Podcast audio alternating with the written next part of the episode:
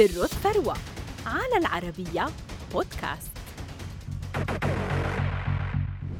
بينما كان فيسبوك وإنستغرام يسيطران على سوق تطبيقات التواصل الاجتماعي قام إيفان سبيغل بدخول هذا السوق في عام 2011 وأحدث نقلة نوعية في عالم التواصل الاجتماعي بعدما صمم تطبيق سناب شات وجمع بفضله أول مليار دولار له في عام 2015 ليصبح وقتها أصغر ملياردير في العالم وتتخطى قيمة سناب شات اليوم حاجز التسعين مليار دولار فما سر ثروة إيفان سبيغل؟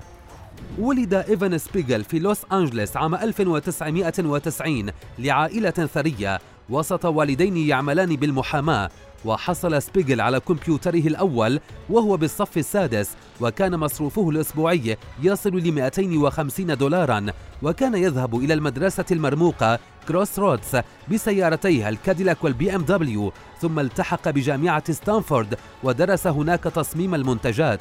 أثناء دراسة سبيغل في جامعة ستانفورد التقى بزميله بوبي مورفي وصمما معا مشروع Future Freshman الذي كان عبارة عن برنامج للمساعدة في إدارة عمليات القبول بالجامعات من قبل المستشارين وأولياء الأمور وطلاب المدارس الثانوية. وعلى الرغم من بداية المشروع بشكل جيد فإنه لم يلقى النجاح فيما بعد. في أبريل عام 2011 التقى سبيغل ومورفي بزميلهما ريجي براون وأنشأوا بعدها تطبيقا لنشر الصور والفيديوهات بشرط أن تختفي هذه الصور بعد مدة محددة. وقاموا بتسمية التطبيق بيكابو وكان مشروعهم عرضة للسخرية من زملائهم لشعورهم أن فكرة الصور غير الدائمة لن تلقى الرواج اللازم. وفي سبتمبر عام 2011 تمت إعادة إطلاق التطبيق تحت اسم سناب شات مع إدخال بعض التحسينات والميزات الأخرى فبدأ التطبيق بالنمو والنجاح. ففي يناير 2012 أصبح عدد مستخدمي سناب شات 20 ألف مستخدم قبل أن يرتفع الرقم إلى 100 ألف مستخدم في أبريل من نفس العام كما وصلت مشاركة الصور من قبل المستخدمين إلى أكثر من مليار صورة.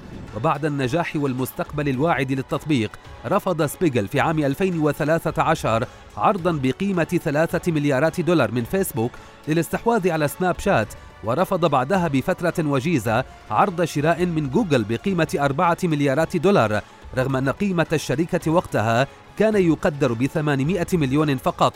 وبدأ أن سبيغل كان على حق فقد وصلت قيمة سناب شات بعدها بعام واحد إلى عشرة مليارات دولار كما دخل سبيغل في عام 2015 قائمة المليارديرات كأصغر ملياردير في العالم بثروة بلغت مليارا ونصف المليار دولار. استمر إيفان سبيغل في جمع ثروته من سناب شات وتطوره عاما بعد عام. ففي عام 2016 وصلت المشاهدات على سناب شات إلى عشرة مليارات مشاهدة يوميا وكان التطبيق الأكثر تحميلا في 28 دولة مختلفة. وفي نهاية عام 2021 وصلت قيمة الشركة إلى أكثر من 90 مليار دولار وامتلك إيفان سبيغل ثروة زادت على 11 مليار دولار.